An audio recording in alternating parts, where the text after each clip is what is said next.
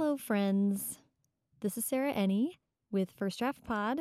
And before we get to this week's episode with the lovely Kendare Blake, I wanted to step in and say that someday I will learn to not do these interviews at bars or in other lively spots. This week is not that week. Kendare and I met at this lovely wine bar outside of Tacoma, Washington, and it was great and wonderful for us, but not so much for the sound. It's a little bit loud. Thankfully, as the evening goes on, we get louder, so it's a little bit better at the end. But I hope you have the patience for it. I did try to make it as clear as possible, but it's just not ideal. Kendare is so wonderful, though. She has such great things to say, and she's so funny. It's definitely still worth a listen, uh, but I just wanted to warn you ahead of time. All right, on with the show.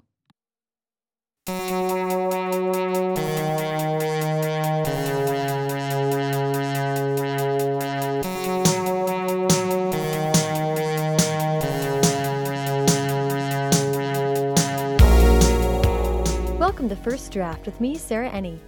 Today I'm talking to Kendare Blake, author of Anna Dressed in Blood and the Goddess War series, and the forthcoming Three Dark Crowns, first in a new series, due out in 2016. Kendare has actually already appeared on the podcast as one of the brave souls who walked through a haunted corn maze with me in Portland last year. And I have to say, I have rarely met someone as delighted by all things creepy and scary. Like a, a, is anybody a fan of Buffy? I'm a huge fan of Buffy. Do you remember the one where they went through the haunted house and because of a spell that had been put on the house, everything in the haunted house became real and able to kill them? So, you know, you go through a haunted house and you think you're safe and then everybody was just croaking. It was lovely. Despite her predilection for the gory, gothic, and ghoulish, Kendare is one of the funniest people I met last year. Her relentlessly dry humor had me smiling through our entire interview, up until the point where the nerd trivia being held at our wine bar started playing an album of Chewbacca covers too loudly for us to continue. Seems appropriate. So grab some Merlot and an English Wookiee dictionary and enjoy the conversation.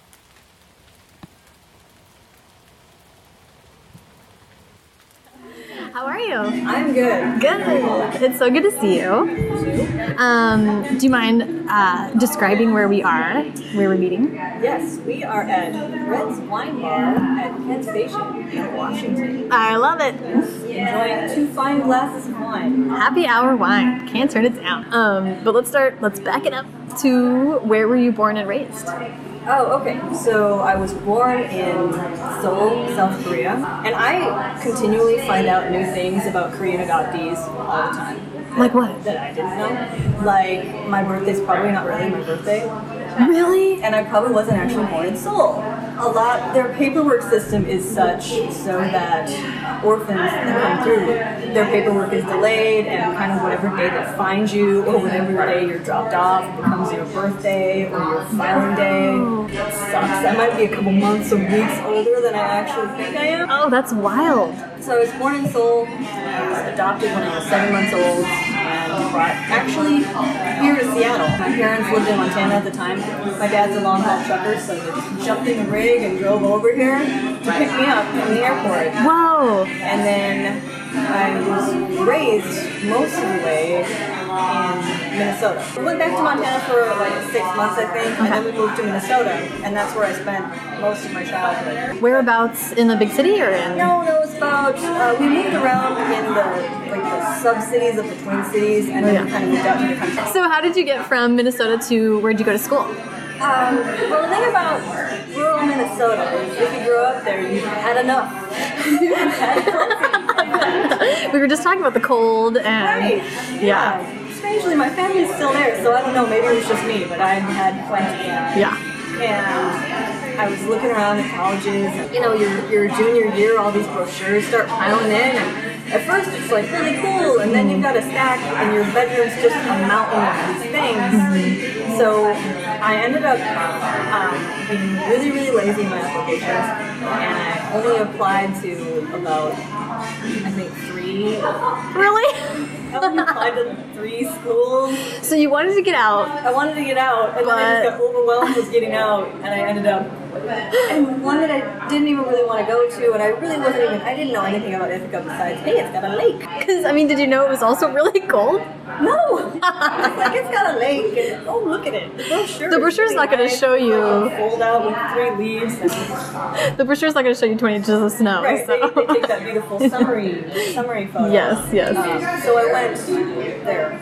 So went to Ithaca. Yeah. That is crazy. Not for writing, of course. I was going to be a stock analyst. I was too nervous to invest other people's money, but I thought, you know, I could analyze the way that a company would invest its money, and that would be okay. Um, I was on fast track, so I graduated in three years instead of 4 And by the time that you do that, you realize when you don't like something, and then it's way too late. So. Oh, yeah. When you get on the fast track and then you want to get off. There's no getting off the fast track. It's Darn it. So I, I have that degree. I'll never use it. I'm so curious about what what made stocks something that you wanted to go into. What was the reason behind studying that? Well, the whole idea of studying something like that was the financial security. Because I wanted to be a writer, but I figured that I also don't want to live with my parents forever.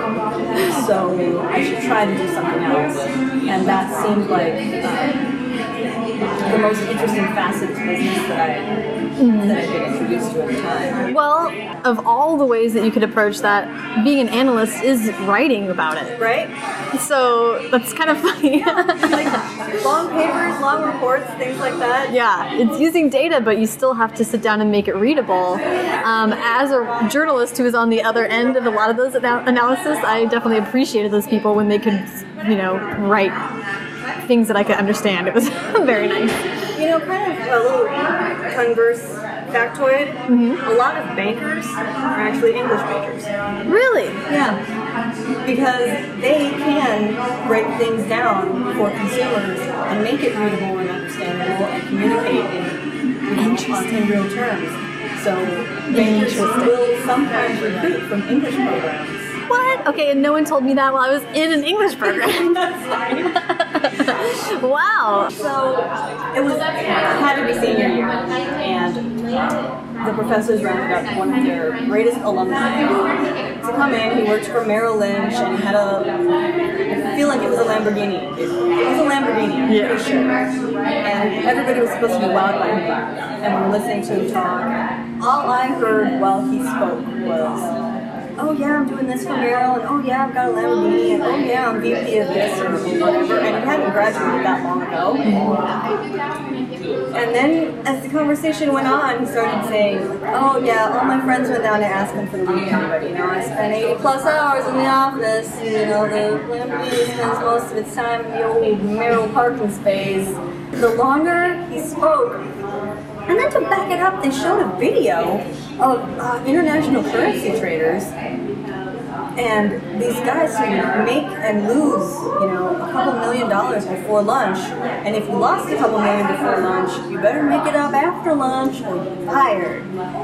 And how most currency traders at the time were out of the game by the time they were 30, and that they were also bald and had ulcers and hypertension and severe problems. and I kind of just looked around at my classmates, and they all seemed to be really digging it, you know? Yeah. were in it to win it. Yeah. I was like, I, oh, this sounds horrible.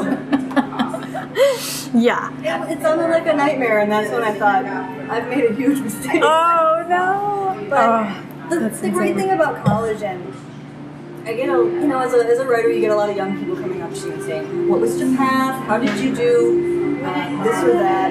And the great thing that I really love to tell them, and I know they're not listening to me because I was doing the same thing. Freaking out about what to do with the rest of my life when I was in college. College feels like the rest of your life. It's not the rest of your life. So few people actually work in their major or work in their major for their whole existence. Oh my God. You're gonna have a lot of careers. You're gonna have a lot of chances. So it's not the 1950s anymore, where you find a company, you dig in, and you live there until God. you die. And the people with the coolest jobs, whenever I hear how they got those jobs, it's almost like they just tripped over their ass and they fell onto this job, and this person who knew this person. Yep. It's not any specific training they had. It might not even be any specific experience they had. It's just random. Yeah. When did you start writing?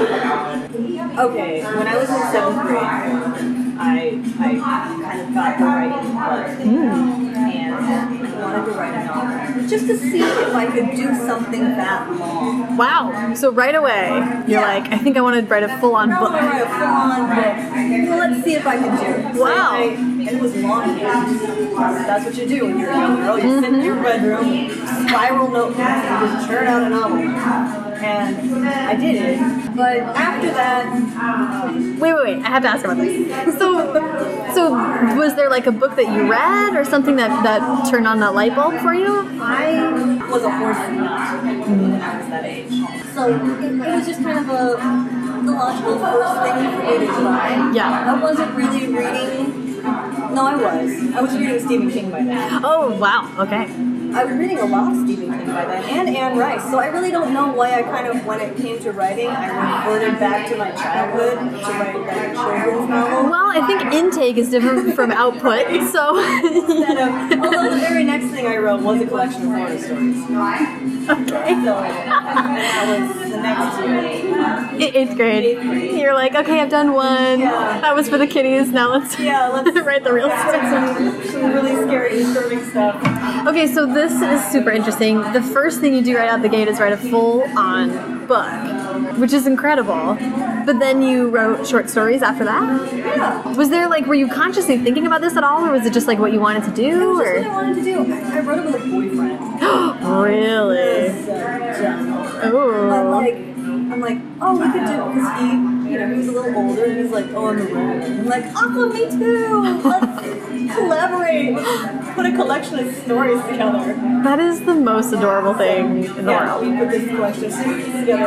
As in, you did you co-write this? I'm so curious about this whole thing. You co-wrote the stories We didn't themselves? write the stories. Like, Okay, a collection of separate- he'll do eight, and then they all had to be crazy and insane. And I'm I still want to talk more about how your writing progressed, but I do want to talk about reading. Um, I love that you were reading Stephen King that young. I was too. I feel like even people who don't write horror, it's like he's like this next step. Yeah, he's he. I think represented a lot of what was YA to me in my life. It was like the next step after Fear Street. Just dive right into this. Right, and Fear Street, I don't know about you, did you read Fear Street like books or did you read them in class? Oh well, that's a really good question because I think I read them in class. Me too. But they were in the classroom library, but I don't remember the class so much as the Fear Street books. Right. So your teacher's up there blathering on and you're like, oh, freaking freeze tag, you touch it, you're really free. It's really great. I'm learning something finally. I remember freeze tag, that was like the Fear Street I. That's hilarious. I, it's like my grade school memories are so weird. I remember reading like learning cursive, and then it was like Fear Street in the classroom. I was like, that, the, the, That's the all you gap. need. You Yeah. need cursive, and then you're ready. But those are the two things that prepared me for life, really. Um, so, what was the pull for that kind of story? Do you think? It was probably just reaching a certain age and everything seems to start to suck at a certain age. So dark things, violent things, they all of a sudden make way more sense than they used to. And that was what, I don't know, I tried to think of why I find um, dark things and violent things and disturbing things, why I keep continually getting drawn back to that. Through my entire master's program, I really wasn't writing that dark stuff. It was, I mean, it was emotionally dark, but Right. it wasn't like, and then I came out of the master's program and I went right back to it. So I don't, I don't know, but like the first, what was the first Stephen King book that you read? Ah, that's such a good question. I don't know that I remember them in order. I do know that The Stand was around fifth grade, and that was like so early. like I don't remember. Early. Yeah, That's stupid early early. The Stand. Yeah, because my dad said it was his favorite book, so I was like, well, that's what I'm gonna do. It wasn't his first, I don't think. I think I read. I think I probably read The Shining before that. Before fifth grade, The Shining. That's Maybe they were both in fifth grade. It was bad, but the but the good thing about me being a kid is I got the end of the end of the book and I was like, I don't think I really. I was like, I don't really get what happened. Because when it doesn't, because so much of that there was shining. It was. I, I went back to them later, and, and I was like, oh, I get a lot more of this now. I was like horrified thinking about your your fifth grade self. Yeah, basically. Yeah. Um, That's awesome. I love this game. It's definitely one of my favorites. Oh, yeah. I think I read it in seventh grade, but yes, I specifically remember passing around the sex scenes to all my guy friends. Find us another one. All right, here you go. oh my god. Oh, literature. Yes. Making friends. That's the joy of sharing. That's your friends. yeah, that's what the teachers meant, I'm sure. Okay, so you started writing pretty early, seventh grade-ish. Then you decide to study something very practical in college and decide this sucks. Where do you go from there? I didn't start writing with the hope of being published. I mean, I dabbled with it in high school. My, my dad was always awesome. Even though he never read anything that I wrote, because I think he knew he would be disturbed. He was always really supportive of the endeavor. Yeah. And he hired me a publishing consultant when I was in high. Are you serious? Yeah. That's amazing. Yeah, he, I mean, and, and that was great, but Wait, wait. What did this publishing consult? What do you remember about that uh, meeting? He was, he was like an older gentleman, and uh, he, he critiqued the novel that I was working on. Wow. And he kind of advised me, like, gave me like, oh, this is how the publishing world works, and these are the various ways that you can kind of approach it. Yeah. I don't remember much of the specifics. So I funny. think I was very serious. I actually started writing with the hope of getting published after my bachelor's degree. Okay. Because in college, I don't know about you, but well, you were in English. English, yeah. Yeah, so you read Oh yeah, a lot. was. It was for school. Whereas I read during the summer, but during term time I read almost not at all. It was probably the least amount I ever read. But after that was over, I wrote a really long, rambling, silky draft, 103,000 words, of what would become my first published novel, Sleepwalk Wow. And that's when I thought, you know, I really want to do that. It's never really gone away. I try to make it go away, it doesn't go away, so I should just if I can make it happen. Yeah. And I worked for a firm that did quality control software okay. for a while, and as a project manager there. And while I was doing that, I wrote what would be the final draft of our Sleepwalk Society. And I got an agent with that, and it went on stuff. and It just didn't sell and didn't sell and didn't sell. And I couldn't take the job anymore. So my brother and I were drinking beers on our parents' barn roof, I think. As one does. And Mm-hmm. and he's like, you know, we should just, this country's not doing it for us. We should get the hell out of this country. Just drunk like he is. Yeah. And I was like, you are right, sir. we will get out of this country right now. And I didn't really want a master's degree, but I definitely wanted to get out of the country. Mm-hmm. And so we decided that a master's degree was the way to go. It was the easiest way to get a visa. Yep. So that was the That was the. the kind of the catalyst. That's when I really just decided, well, to hell with it. I'm gonna live with my parents. My parents are pretty cool. What was I thinking? Trying to move out of their basement? Really? I'll just live with them forever. You basically were just saying, I want to get out of the country. How did you decide on England? They speak English there. That's hard. That's the stupidest, laziest answer. They, you wouldn't have to learn I mean, did, another language. did you think about Canada? You're already so close. But I know, but I feel like Canada's almost here, like in Minnesota. Yeah. But what my friend, like my best friend, didn't realize was she doesn't understand accents. So to her, her Scottish professor was like a foreign language. Oh my gosh. She came home just in a panic to our class. Like, I don't, I don't know anything. I don't know anything. really? Oh no. Oh my she god. did get it. And She had to borrow a lot of notes, but she she eventually caught on to the boat. That's hysterical. I found that so ironic because she reads Irvine Welsh. That's Like your hilarious. favorite writer is Irvine Welsh, and you don't speak Brogue. What is wrong with you?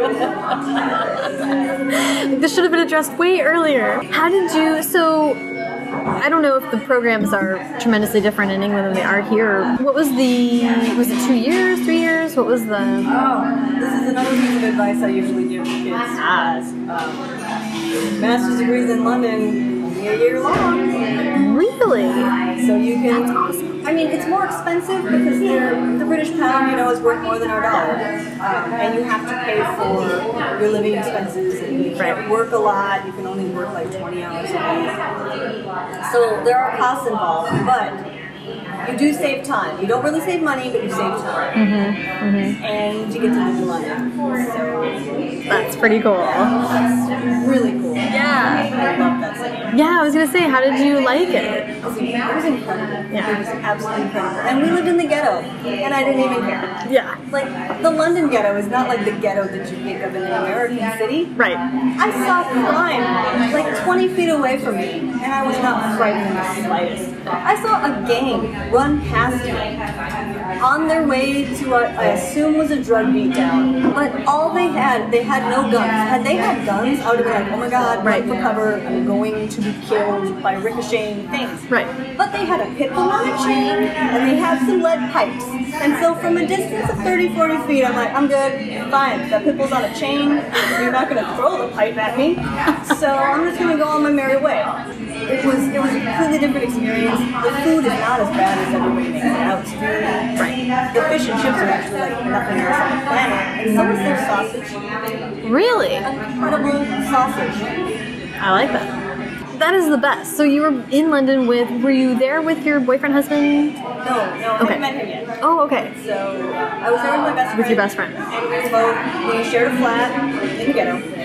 And we went to the same university, but it was on different campuses. Mm-hmm. So I went for Creative Writing at the art campus, and it was in a mansion. Like an English country estate mansion. You went to master's a master's program at Downton Abbey. so they had a hedge maze and a pool, like a fancy schmancy pool that was Oh, no. to ever use. There was a monolith up on the hill, like a big Cleopatra's Needle Eye, and you could walk through the countryside and use it to navigate. oh my god. There was um there was a pond with swans in it. This is like you are the brochure. And this is an audio brochure. Like Uh, I'm leaving tomorrow. Down. I think it got too expensive.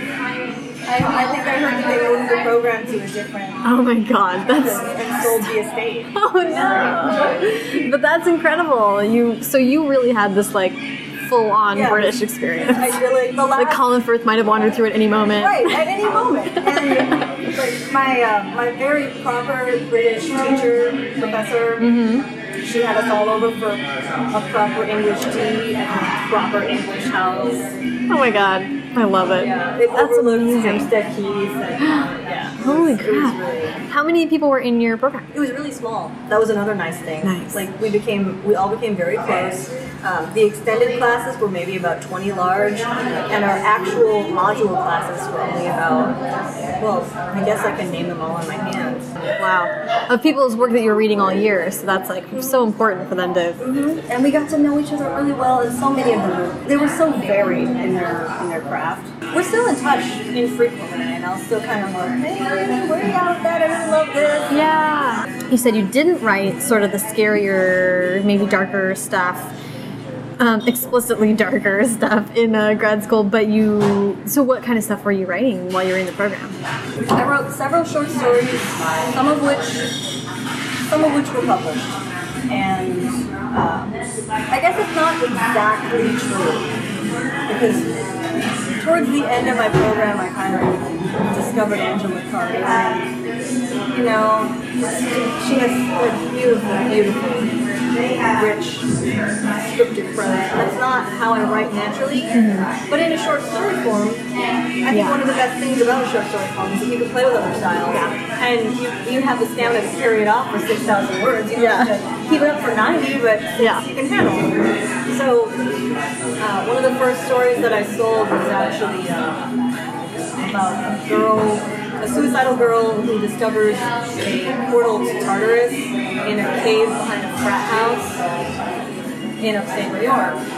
Uh, she goes in there and she slits her wrist and then passes the underworld, opens with blood, and then these dead heroes come popping out and they help her get an A on her history exam. so, uh, That's amazing. so I guess it was still kind of dark.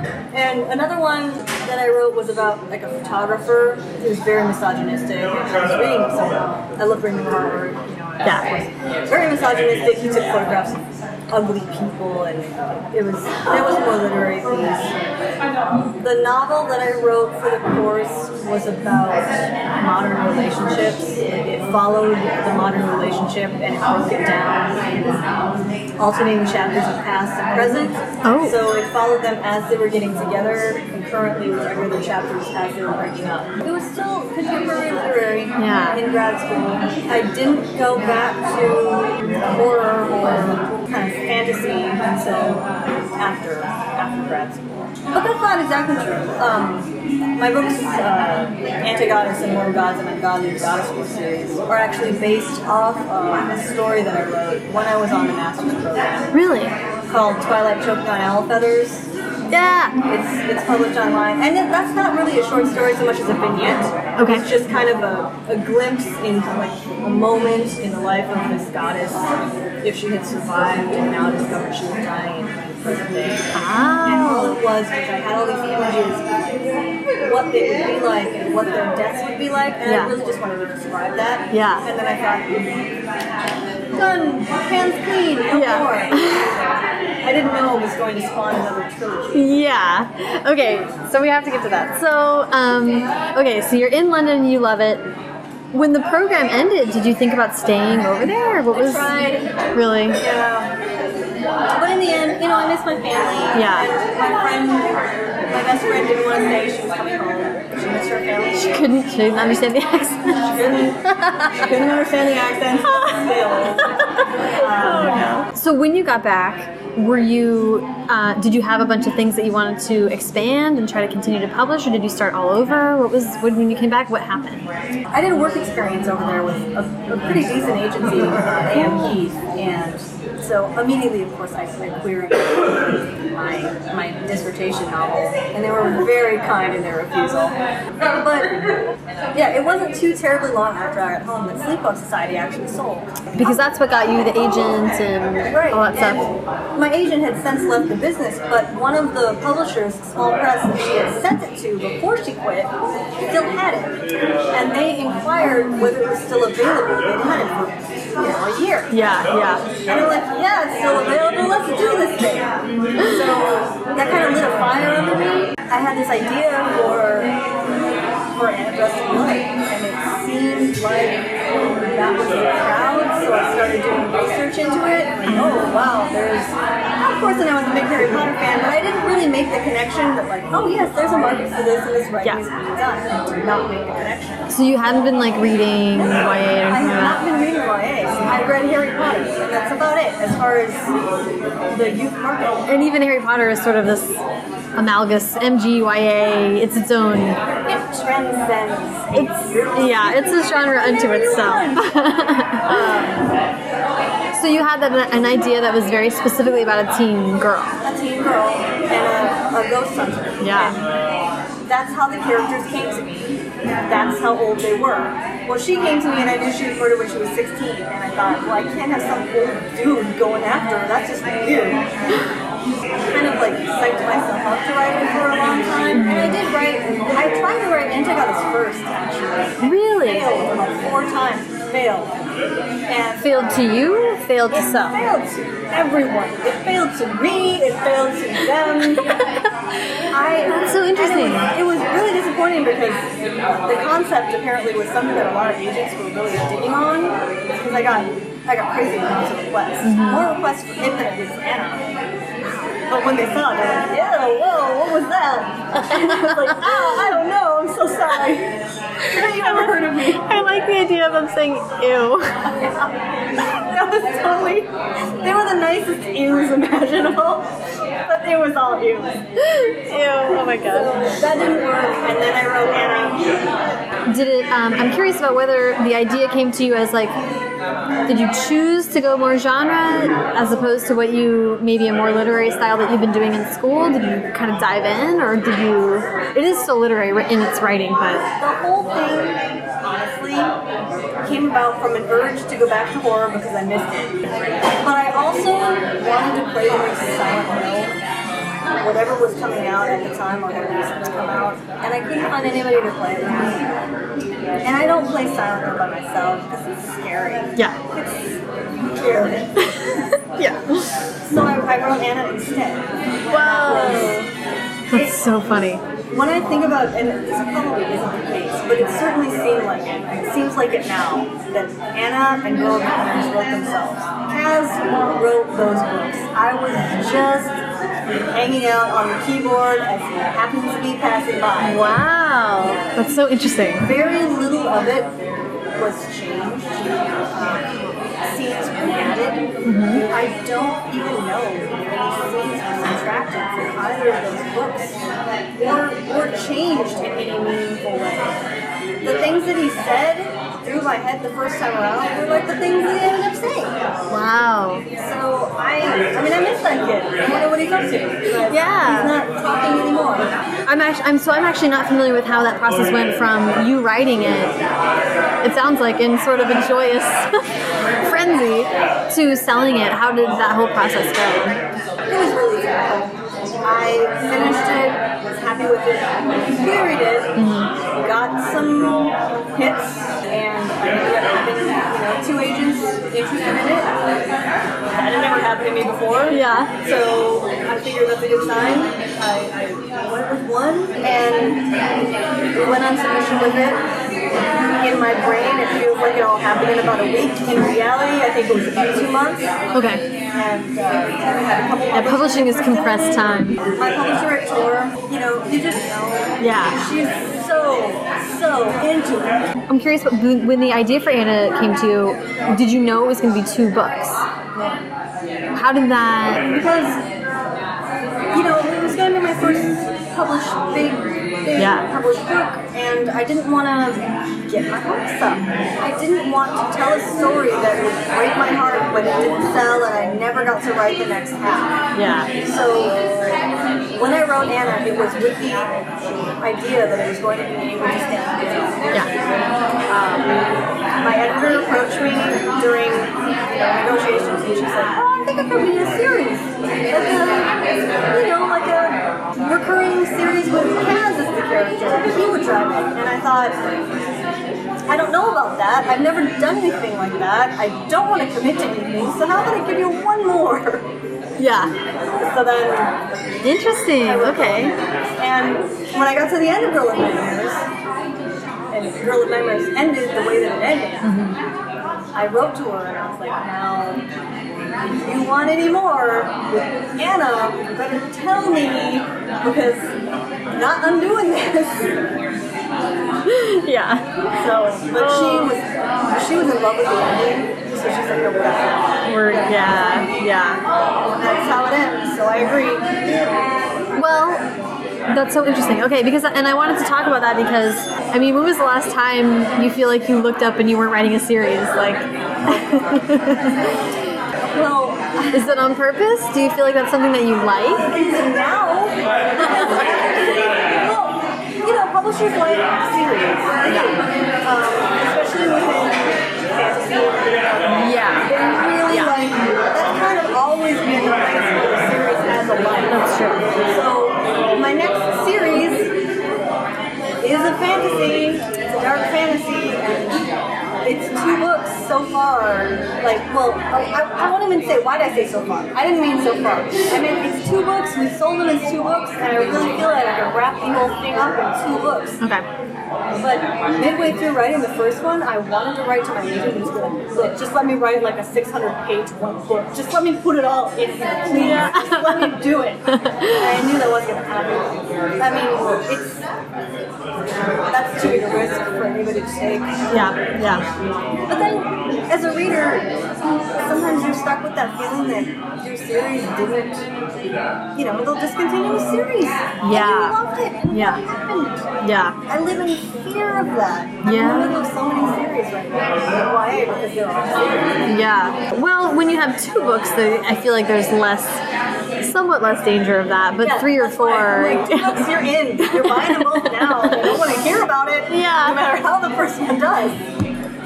Oh my god, that's hilarious. What was I reading? Let me find the quote. You were probably talking about Anna when you said this, but you were saying that you didn't know the end when you started writing it. And that that stood out to me because I was like, all she does is write continuous books. How can you not know how it ends? I rarely know. Really? I when I started writing Antigoddess, I knew the end of Antigoddess. Okay. I didn't know the end of. Interesting. I didn't know the end of the series until in sometime in the third book. I didn't know. Books have a way of coming together. Oh, yeah. You just gotta trust them. Yeah. They're going someplace. It's really scary to think that they could just crap out on you at any time. Yeah. But they haven't yet. so hopefully they have a plan. You don't have a plan, but they do. Yeah. Um, I, I didn't know how Girl of Nightmares was going to end. In the writing, you gotta have flow. You gotta have wiggle room, right? Yeah. Oh yeah. So- and that's that's my I guess my question is because I feel like I I need to write a first draft even to basically know what a character's name is. Like I write a first draft with and, and it's hard to tell people this. I wrote a heist book and I was telling a friend, but I don't know what they steal yet. And he was like, Come on, are you serious? I was like, Yeah, I need to write a first draft before I know what they steal. It just doesn't happen that way. Um, so I completely get from that point, point of view, but I wonder what what people were asking you to provide them. Did you have to send a synopsis? Did you have to? Sure. And then you were like, Synopsis comes with the understanding that it's all bullshit. like, I oh hope you like this, and if you do, I hope you like bullshit. synopsis asterisk at the bottom. None of this applies. like italics, asterisks. I, the, the series that I just sold this fall was my first time ever selling on the proposal. Ever. Wow. I'd always had a full book. Here you go. You like it? That's what it is. Mm-hmm. But this, I had 50 pages a synopsis. And it went to auction, and I kept thinking, what are you guys doing?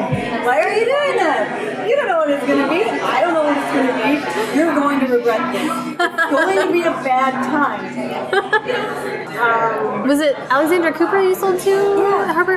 yeah. Was she involved in like brainstorming, or how did that kind of relationship go? No, you know, like the editors came in with their thoughts, and you know, but they're like wooing you at that point. You know, Yeah. really, it's, it's a hard decision, but she was fantastic, and I got a really good sense of her. And um, my agent knew the kind of relationship that I was looking for with the publisher, so she was very careful about who she submitted it to. Yeah. To begin with, we had a phone call after the deal went through to kind of discuss. You know, I wanted to know what she expected, what she hoped for Yeah. uh, if she had any issues with the synopsis it was, and she she. She had one issue. She was like, I don't know where this comes from. It's out of left field. And I was like, Oh yeah, it is. Son of a bitch. well, we'll find some other way to do that. So, and so helpful. Saves yeah, one she was- draft right yeah, there. It was, it was really helpful. I didn't have to pull that element out because I never wrote it in the first place. Yeah. Do you feel like most of the time you you enjoy sticking with characters over long periods of time, or do you ever feel burnt out by it? I have never been burnt out with any of my characters. I if, if I can stick with a character through an entire novel, it's because I care about them. Yeah. And I love them and they're you know, they're real people. So even my villains, I've never every time I finish a series or every time I finish a book, I'm sorry to see them go. And I miss having those conversations with them that I used to have. And yet you kill characters Oh, so killed brutally.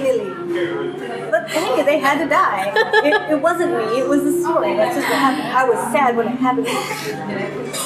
And you kill them so creatively. Nobody gets a Um, let's leap. Let's leap into that because I have a couple questions about that. The uh, th- is it? It's Antigoddess. Was that the name of the whole series? Do you have a name for the entire? The actual series is called The Goddess War. Okay, okay. I wrote this series is brutal. Lots of gruesome death for a book about immortals. Well, that's that's what allowed me to write about immortals. I could not write about immortal beings before because I found them dull. Um, That's why in Greek myth they're so care- they're they're careless. They're not carefree. They're careless, and they are bored, and they're cruel. Because what else would you be if you could literally live forever? and not die. You could not. No consequences. So there's this thing I call the Superman problem. Oh my god, 'cause Superman is so freaking boring. Right. Let's talk about it. Do you remember? Did you see the last the new movie? No, I boycotted it. Although Henry Cavill is very pretty. He is so. Okay, but good on you because there is a long, long sequence near the end when he and General Zod are basically leveling Metropolis, like taking each other into skyscrapers and knocking the skyscrapers down with their bodies, and yet they don't get so much as a scratch. And the CGI is very impressive as far as the falling of buildings goes, but emotionally, you're detached. Why are you detached? Because neither Zod nor Superman is in any kind of danger. You're not afraid about what might happen to them. Yeah. There's no They're impact. So until the gods started to die and like uncovered that side of themselves, Yeah. I found them very dull as far as characters. They didn't have much dimension as far as characters. Once you make them essentially human, then they were very interesting to me because then you've got a human who has millennia of experience at being not human, and all of a sudden they're forced into this tiny human box. Mm-hmm. Now, how would that feel? You know, how pissed would you be? You would be super pissed. Yeah. So a lot of the brutality in the Goddess books came from that mindset of, oh my god, I would be so mad if all this time I couldn't die, and then one day I wake up and I'm dying Yeah. what the shit? Yeah. I don't think so. So, and uh, I've gotten actually a, um, some blowback on the Cassandra character because in Mortal God she is very angry. She's extremely angry. And Cassandra is the human, the mortal. She's the mortal, And for you know, there's like there's a lot of it's it's hard to stick with her and I understand that because you don't want to spend that much time with an angry person. It's not pleasant. Right. But I feel like her anger is justified, and also the, the entire arc of the series is kind of meant to showcase Athena, who is a god. She's traveling towards humanity, and Cassandra, who is immortal because of what the gods are doing to her, she's traveling out of humanity. Right. So their their arcs kind of go in opposite directions, and then you hope that they land both somewhere nice, but you don't know, and I didn't know. I was just kind of following it. I was following the story to its logical conclusion. That is so interesting. First of all, I love that you write like that just because, on a side note, I feel like I finally got that when I did this nano book because I was writing so fast that I found myself in the middle of writing, I would just like stick out. I would just add a couple words or a sentence here or there that I was like, here's where something really cool could get tied in. Or like, maybe he did gives a furtive glance to this girl, and maybe that's something later. It's like you just, and you, you go with it when you're writing that fast, you sort of go with, and you're like, maybe it'll tie together. I just want to give myself these sort of like branches to build on. And then in, when I was revising it just now, I was like, thank Christ! Like everything at the end has to, that's 50 people, have, people's motives have to fit together, and I gave myself all these things that could finally be connected, and it was brilliant. So it sounds like that's kind of what your process is, is to And let isn't it strange how everything comes together? because your It's brain, like you planned it, but you didn't plan it. it's It's magic. It is magic.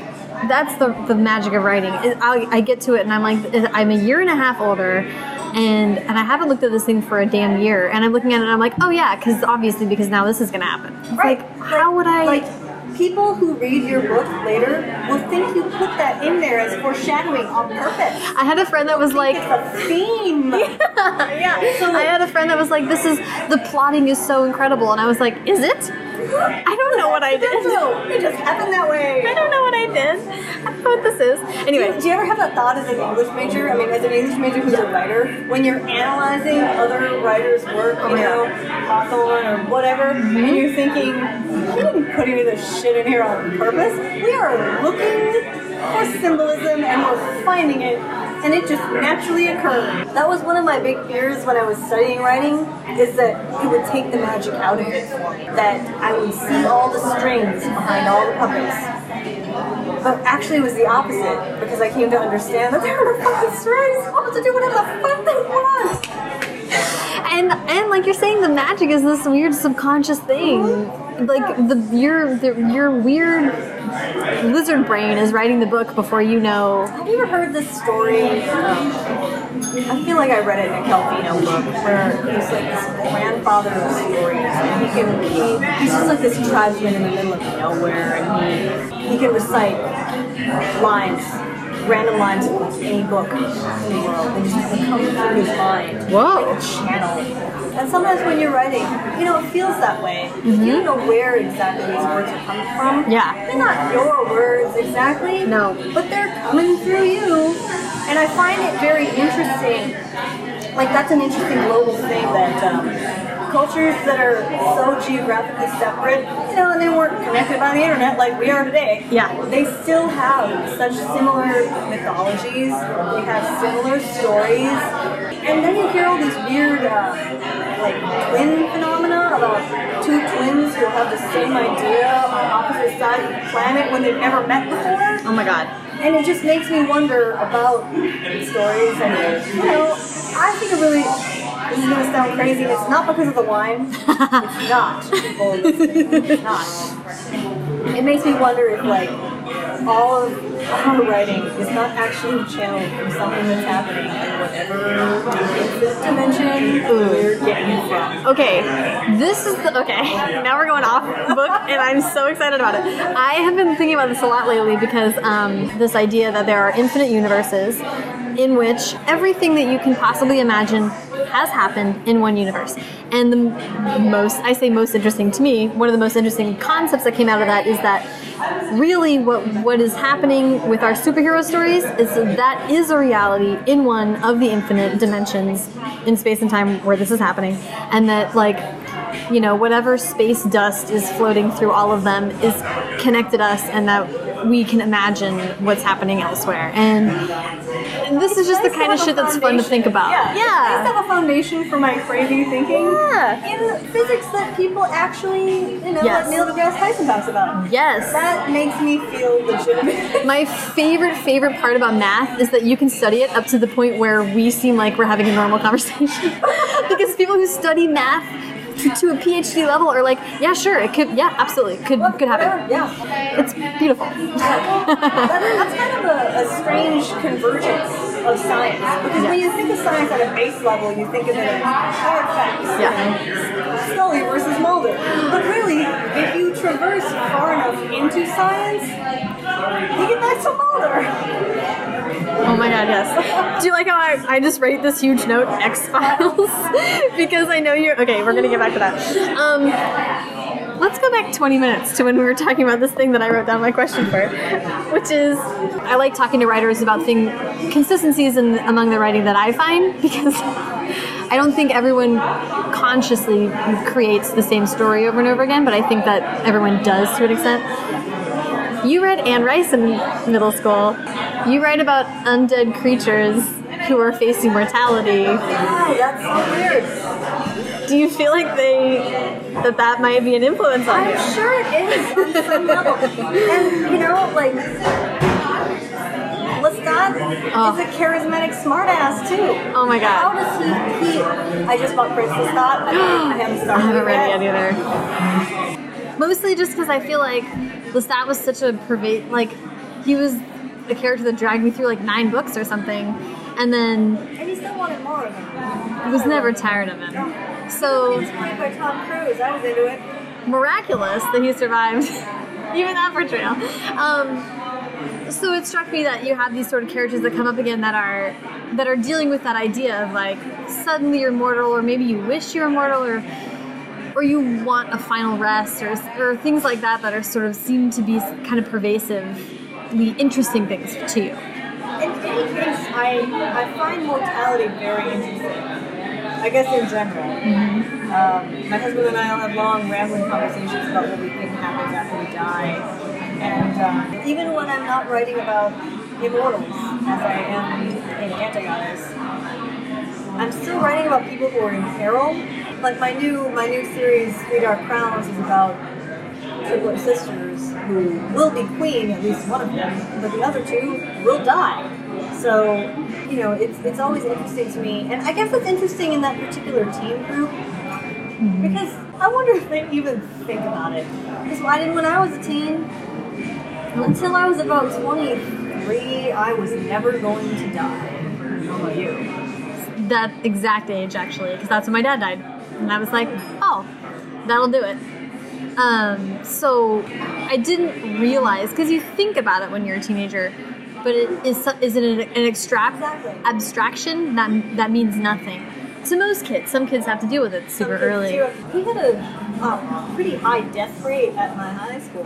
Not like Buffy the Vampire Slayer high, but like you know, two of my classmates died. Um, two of the two classmates in the year above us died. All. Three of them were in random car accidents. One was like in a coma. Oh my god. Another one was in a snowmobiling accident. Oh god, that's awful. Don't snowmobile around barbed wire, kids.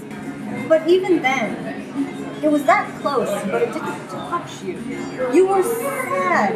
If they were your friend, you were devastated. But it didn't reflect on you. Yeah. It, it happened to them. Yep. It couldn't happen to you. Yeah. I look back at the things that I did when I was and it's a friggin' miracle I'm alive. Do you do the same thing? Absolutely. A hundred percent. We put people in trucks and cars and drove around with them at parties because we couldn't fit everybody in one car. And my friend rolled the car. Oh, are you serious? She with someone in the trunk? The car with somebody in the trunk and like nine people in the cab. And nobody was injured, and they popped open the kid in the trunk with the kid in it. And he's like, you guys were just messing around, driving over bumps or something. and I think about that now, I'm like, why are we not dead? Oh my goodness. Whoa. But I think that's a pretty universal experience. To be honest, a typical, like, I think you and I are the same, typical suburban high school American experience of, of, of a great deal of privilege in the, the fact that we were able to go for 20 something years while feeling very safe and that we could experiment in ways like Push it. that. Yeah. We could push it and get lucky, and we could expect to get lucky. Yeah. So to you, it's interesting to contrast. It- yes. And I guess I don't really, um, like, full disclosure, after I uh, sold Anna, I developed this strange anxiety disorder, which I think actually a lot of writers have, and not a lot of writers talk about it. But I have it, and it's annoying. What just generalized anxiety? That's the easiest way to, it's basically panic attacks. Oh yeah, yeah. Uh huh. You get panic attacks Uh-huh. before big events and before you have to present to big crowds. Or the thing that sets me off is if I have to do something like author speed dating, where we're in a room like a big auditorium with tables with five people on them, and we have to go from table to table to table and talk to people. Mm-hmm. Which I love talking to people, and once I start, I'm good. But the noise that leads up to it when I'm standing waiting will trigger a panic attack unless I medicate the hell out of myself. So hey, if you've ever been an author speed date with me the last three years, I've been drugged to the gills. Hmm. I used to think it was just travel anxiety, but it bleeds over into you know anything. It Wow. could be anything. If I get a headache, I'm like, it's an aneurysm. It's an aneurysm. And I'm 100% certain it's an aneurysm. Oh And no. it's an aneurysm, but that's that's how the, the thing functions. So this, I'm leading back somewhere to mortality. Yes. The contradiction of, of mortality with a sense of You invincibility. don't, you don't want people to be, but it's it is an interesting thing to think about if you can control your thought about it. Yes. Do you have to? Does the fact that you have that you understand that you have this anxiety problem change how you are allow yourself to write about it? Do you have to take breaks and step back from some of this stuff? Oh no, nothing I've ever written has ever bothered me in the slightest. I was surprised to hear that Anna gave people nightmares. Really? Anna gave my husband nightmares. She gave my Asian nightmares. She gave my editor nightmares. She given me nightmares. And you're like, always, guys. I know. I always say it's like, well, it's because I know her. You know, she doesn't want to do it to me. But really, I things like that, horror things. I love to be there. Yeah. I love it because it's not real. It's fake. I know I'm making it up in my head. Yeah. Even though I also know that I'm making up the aneurysm in my head, it's not the same. It doesn't have the same chemistry going on. Anna can't be real. Right. An aneurysm could be But real. I like. I love horror films. love that horror books. I've, I've, I've hardly ever been afraid and like peeked out by a horror book. And it's, it's rare these days that I would get scared by a horror film. Are you a, are you a horror fan? I uh, I like to read it, but I actually can't I can't handle the movies. What's the last horror film you watched? Well, what I will tell you the I thought I was invincible to horror movies up until I saw The Ring. And The Ring did it because and you know what it was? The freaking face in the closet. We're talking first 10 minutes of that damn movie. That's it. huh? That I Well, would no, that was a good moment. Oh god, it was, That such a good brilliant moment. But the rest of the movie, I was like, who cares about this well chick? Can we go back to the fact that she was horribly disfigured in her closet when my boyfriend from the OC found her? Who cares about the well chick? The point is that she makes your jaw fall off and you turn green. That's Horrifying. And then I went. That was I watched that the summer before I went to college. And when I showed up to college, I had this beautiful, wonderful single room because I'm an introvert and I couldn't handle it. Uh, that had a huge closet, like that stood out from the wall, and it was just, it was this uh, like any college student's dream closet, and I was just like, ah, I can't handle my wonderful closet. I'm gonna end up an un- a jaw unhinged alien within it. If only one of your friends had known and they could sneak in there and Oh, you are. I'm so glad that I wasn't friends with you then. That would have been. I would have had to leave school. Oh my god. I do love Scary my friends. So I so the movies. I think it's because of the music and the. When it's books, you can control the degree to which it affects you. And in movies, it's an experience on a different level. Which that's something that I talk about about writing horror versus horror in other mediums. Yeah. The tricks that you have to pull out, you don't have a soundtrack. All you have is the hopes that they're reading it in eerie quiet. Um, okay, wait. I want to talk about angry Cassandra because you talking about the fact that she is an angry character um, is like making my heart sing because this is very akin to a conversation about unlikable characters and people being sort of unwilling to um, accept the fact that Cassandra would be fucking angry about what's happening to her. What was it like to see the reaction to this character? People have the reaction to her that they're going to have. And I that's fine. I understand. Cassandra to me has always been a prickly character to write. And I'll be honest, in Antigoddess, she was not my favorite. I was like, get please, just ah, I, I just want to take your little neck and spin it around. um, but that made that also made sense to me as a character because considering her past, she would not want to be involved in any of this shit. What she wanted to be was left alone, completely boring and normal. And when that was taken away, it unleashed every primal thing that was ever inside of her. And now that the fates have given her this ability to kill, well, gonna, she's gonna like hug that like a teddy bear. I was gonna say, what is she not gonna not gonna use it? Exactly. Come on. She's going to hate every single person. She doesn't know. She's equal parts sad about her boyfriend, and she's also pissed at her boyfriend. Yeah. So she's juggling with that, and she's going to take it out on everybody. But so Cassandra aside, the kind of thing that I have a problem with is that we as a society have a harder time with unlikable women than we have with unlikable men. If House was a woman, it wouldn't have been greenlit or made it past 30 minutes of an episode. But House, since he was hot Hugh Laurie, we find that attractive. I also have a kind of an issue where you feel like you need to, like every reader feels like they need to relate to the main character. Yeah. I, I loved American Psycho. I'm not a psycho or a stockbroker. I couldn't relate on any level. Yeah.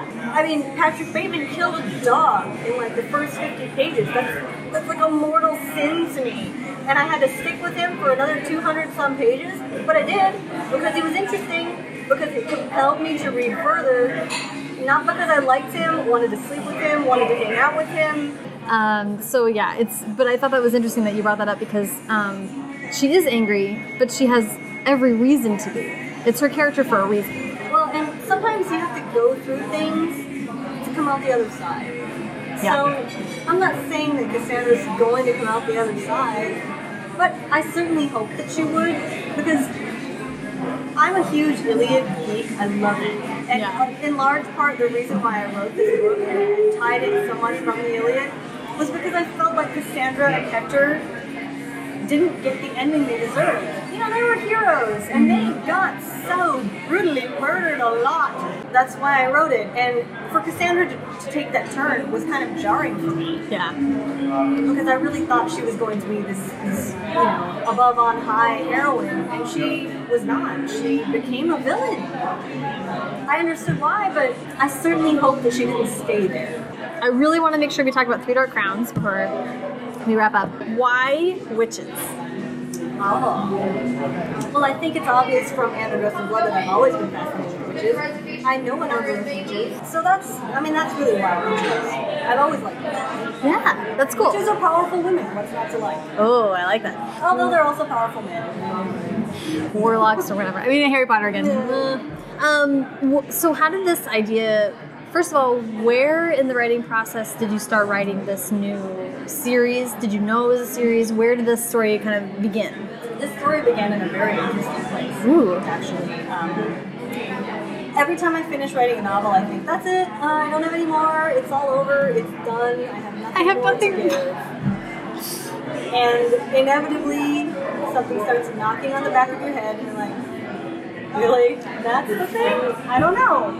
And this one kind of came on full force. I knew exactly. I'm gonna write that book, and that almost never happened. I was at a book event at the Coast Bookstore in Oregon.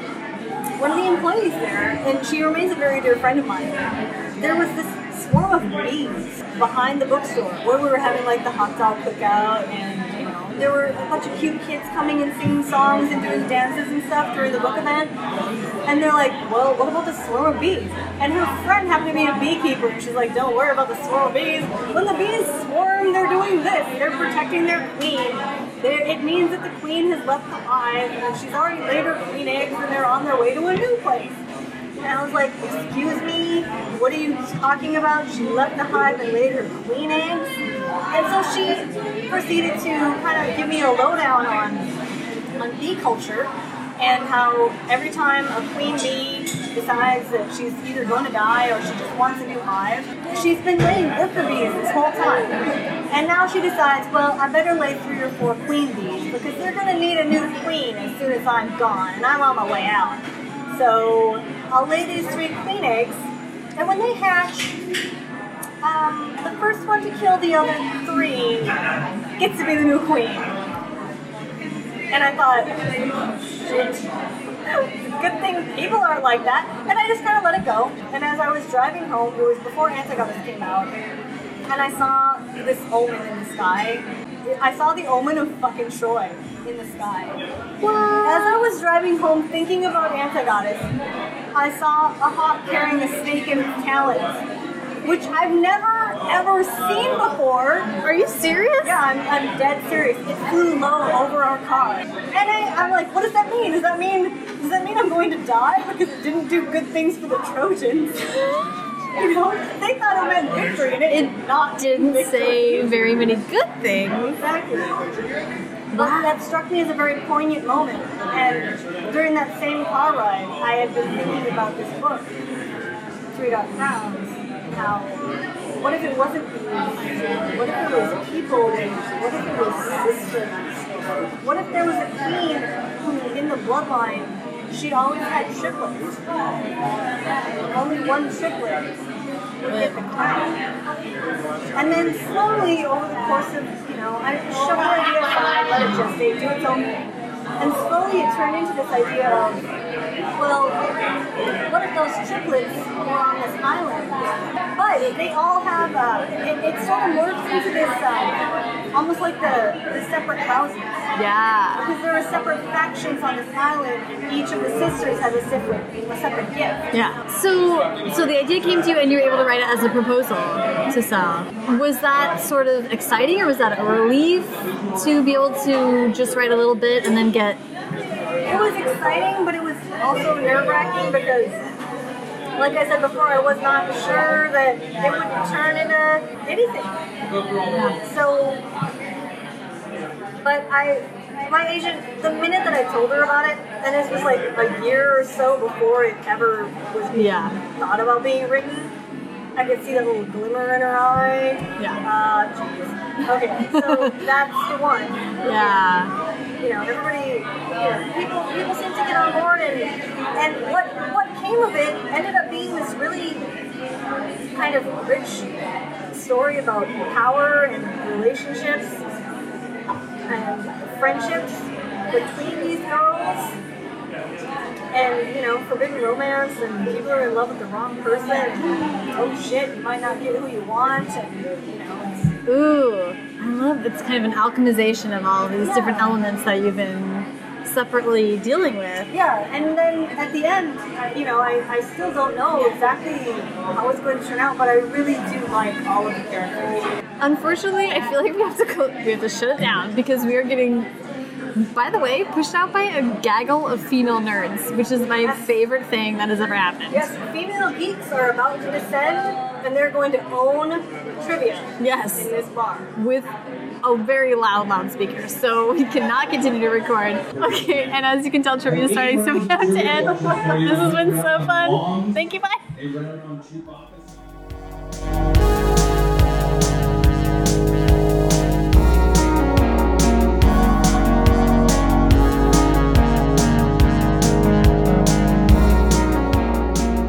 So much to Kendare. Follow her on Twitter at Kendare Blake, and follow me at Sarah Enni and the show at First Draft Pod.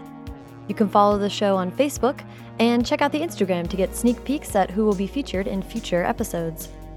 And for some of my favorite quotes from this interview and all the others, hit up firstdraftpod.com. Thanks to Hash Brown for the theme song, and to Colin Keith and Maureen Goo for the logos. And as ever, Thanks to all you scream queens for listening.